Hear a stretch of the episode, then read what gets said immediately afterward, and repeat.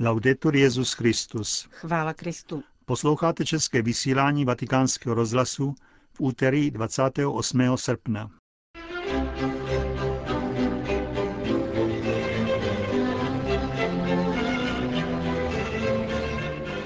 Ode dneška je možné hlásit se k účasti na Světových dnech mládeže v Rio de Janeiro. Mezinárodní tereziánský kongres věnovaný tentokrát knize zakládání svaté Terezie Veliké. A závěr našeho vysílání bude patřit seriálu Václavy Benešové o poutích a putování. Od mikrofonu vás zdraví Johana Bromková a Josef Koláček. Zprávy vatikánského rozhlasu. Vatikán. O své duchovní blízkosti a modlitbě za oběti ujišťuje Benedikt XVI. předsedu Venezuelské biskupské konference v soustrastném telegramu, který zaslal v souvislosti s tragickou explozí rafinérie Amuay. Jedna z největších průmyslových havárií venezuelských dějin si minulou sobotu vyžádala 48 obětí, mezi kterými jsou i tři děti. V důsledku rozsáhlého požáru utrpělo mnoho dalších lidí vážné popáleniny a jsou v kritickém stavu. Svatý otec ve svém poselství apeluje na solidaritu s rodinami obětí a všemi poškozenými v duchu křesťanské lásky. Svou bolest vyjádřili v poselství národu také venezuelští biskupové. Kež by takové bolestné okamžiky Venezuelanům napomohly, aby rostly ve vzájemném bratrství a spolupráci, píše episkopát jeho amerického státu. Vatikán.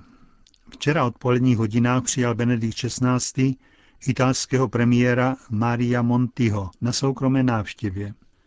Předseda rady ministrů se následně setkal také s kardinálem státním sekretářem Tarčíziem Bertonem.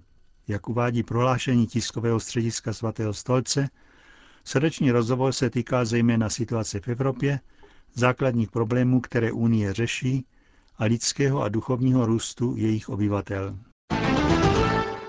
Rio de Janeiro, Paříž. Od dnešního dne je možné přihlásit se k účasti na Světových dnech mládeže, které bude v červenci příštího roku hostit brazilská metropole. Moto příští již 27. edice Mezinárodního setkání mladých zní Jděte tedy, získejte za učedníky všechny národy. Řeholní sestra Maria Shainan Machado, která v rámci přípravného výboru dohlíží právě na registraci účastníků, poukázala na cenově odlišné registrační balíčky. Podle země původu budou zájemci o účast rozděleni do tří skupin, tak aby i mladým lidem z ekonomicky znevýhodněných zemí byl příjezd do RIA umožněn.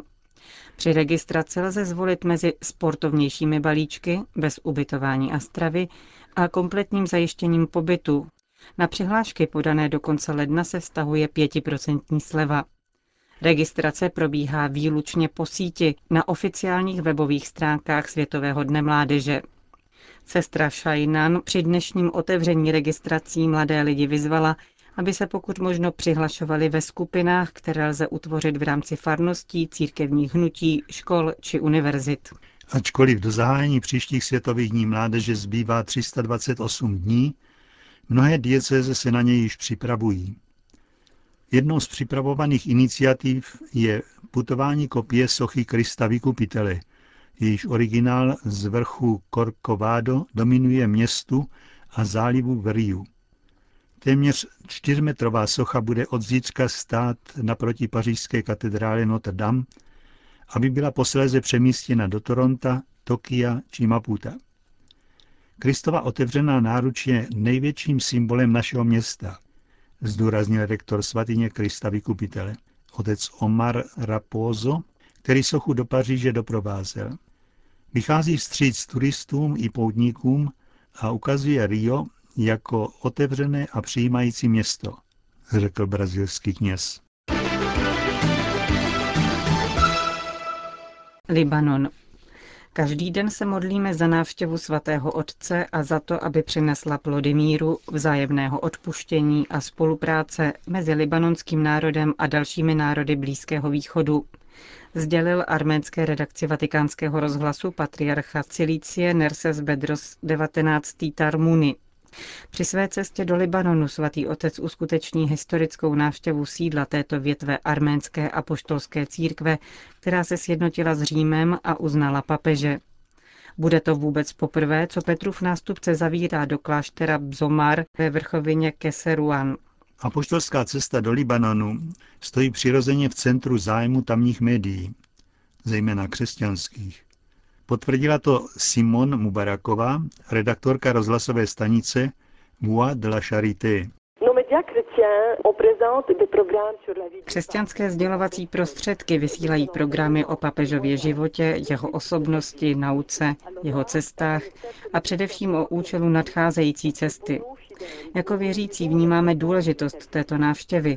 To, že se papež rozhodl přijet i přes možné nebezpečí, je skutečným znamením prozřetelnosti. Vybízí nás k odvaze a naději a zároveň nám připomíná naše povolání a poslání. Jako křesťanská média šíříme evangelium a to je, jak známo, poselstvím pokoje. Jsme tudíž otevřeni dialogu s islámem. Připravujeme s muslimskými kolegy programy, abychom našli společná stanoviska. Myslím, že je nezbytné, abychom vystupovali v této úloze tvůrců pokoje. Uvádí pro vatikánský rozhlas libanonská novinářka Simon Mubaraková. Avila. Na Avilské univerzitě mystiky začal Mezinárodní tereziánský kongres věnovaný tentokrát knize zakládání svaté Terezie Veliké. Text z let 1573 až 1582 popisuje fundace nových karmelitánských klášterů podle původní řehole a okolnosti, které zakladatelské dílo provázely. Kongres probíhá pod patronátem generalátu bosých karmelitánů v rámci příprav na pětisté výročí narození svaté Terezie. Kongresu se účastní více než 140 lidí z celého světa, včetně velké skupiny lajiků. Jak zdůraznil generální vikář bosých karmelitánů otec Emilio Martínez, svatá Terezie od Ježíše je žena, která nadále funduje nová společenství. Na světě je na 70 institutů a řeholních společenství inspirovaných tereziánských charizmatem. 15 z nich se účastní také novinky kongresu prvních mezinárodních tereziánských dnů, určených právě institutům a řádům, které následují příklad Avilské světice. Vedle specializovaných přednášek byla připravena také výstava věnovaná jak knize zakládání, tak dílům založeným svatou Terezí. Alepo. Konflikt v Sýrii neušetřil ani sídlo řecko-katolického melchického metropolity Alepa. Jak uvádí agentura Fides, arcibiskupství bylo minulý čtvrtek vyrabováno. Arcibiskup Jean Clement Jean Bar, jeho vikář a několik dalších kněží uprchli několik hodin před napadením budovy a uchýlili se k místním františkánům. Podle zdrojů agentury Fides jsou zarabování zodpovědné blíže neidentifikované skupiny, jejichž cílem je rozmíchat náboženský konflikt a uvrhnout syrské obyvatelstvo do sektářských sporů. Kromě řecko-katolického melchického arcibiskupství byla poškozena také rezidence katolického maronického biskupa. Boje na ulicích Alepa se totiž přenesly do samého centra. Ozbrojenci vnikli rovněž do křesťanského muzea byzantského umění Márat Nahman, poškodili exponáty a několik ikon. Další ze zdrojů lokální katolické hierarchie agentuře Fides sdělil, že na ulicích lze zaznamenat zvýšený výskyt islamistických skupin z Čečenska, Pakistánu, Libanonu, Afganistánu, Tuniska, Saudské Arábie a Libie. Tyto skupiny šíří chaos a ochromují život společnosti. Sděluje se znepokojením katolický zdroj agentury Fides ze syrského Alepa.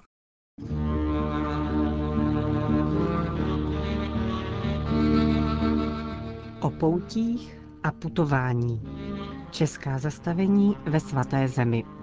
Připravila a hovoří Václava Benešová.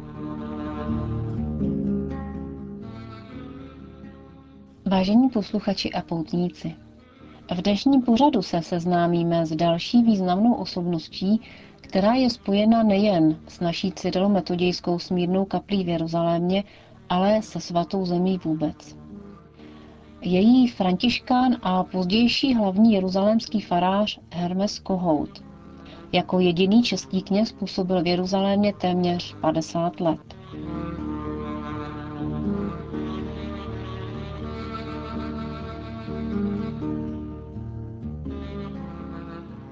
Narodil se 23. února roku 1864 v Kolínci u Klatov a při křtu dostal jméno Jan Matěj. Zde také chodil do obecné školy. Když ji vyšel, pobýval nějaký čas doma a poté odjel do Vídně, kde vstoupil do služeb knížete Mikuláše Dumby. Později odjel do Palestiny bez vědomí a dovolení rodičů s obavou, že by je nedostal. Tam studoval gymnázium v Ain Karem. Roku 1882 byl přijat do noviciátu v Nazaretu a dostal jméno Hermes. V září roku 1886 složil věčné sliby v kostele nejsvětějšího vykupitele v Jeruzalémě. Po dokončení filozofických a částečně teologických studií byl v Alexandrii roku 1889 vysvěcen na kněze. Poté se vrátil do Jeruzaléma, aby dokončil studia teologie. V letech 1900 až 1938 zastával úřad tajného řeholního rady pro kustodii svaté země v Jeruzalémě. Hovořil italsky, arabsky, německy a francouzsky. Působil v Jeruzalémě, ale také v Alexandrii, Týru a Tripolisu. Od července roku 1889 do listopadu 1906 byl jeruzalémským farářem. Roku 1914 se tohoto úřadu ujímá znovu. Byl oblíbený nejen mezi československými a evropskými poutníky, ale i mezi arabským obyvatelstvem, kterým byl velmi uznáván. Dokonce ho nazývali Abuna Ermeto, tedy náš otec Ermeto. Denně rozdával na 2000 bochníků chleba a jeho jméno bylo známé nejen v Palestině, ale i v Zajordání. Roku 1935 se stal předsedou Československého palestinského spolku v Jeruzalémě, který byl sesterským spolkem Moravského palestinského spolku, o kterém již víme, že vznikl proto, aby snáze pomohl k zajištění a dobudování Československé cyrilometodějské smírné kaple v Jeruzalémě.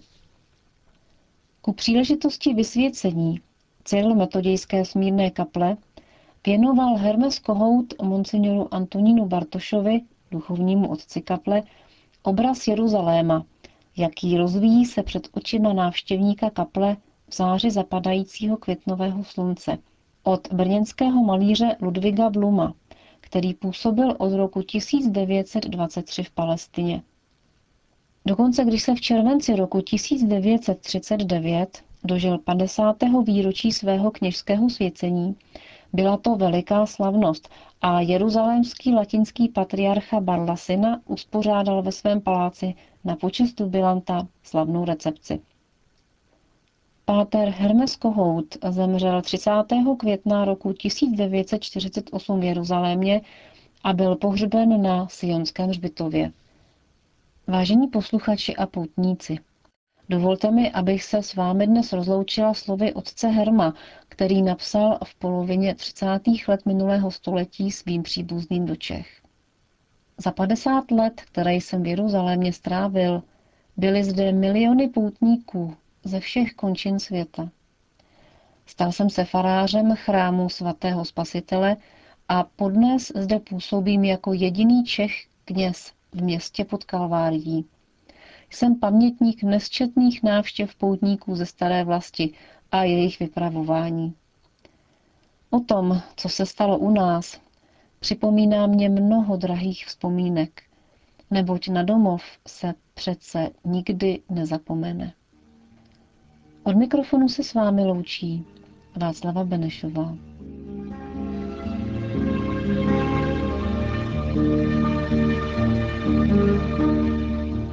Končíme české vysílání vatikánského rozhlasu. Chvála Kristu. Laudetur Jezus Christus.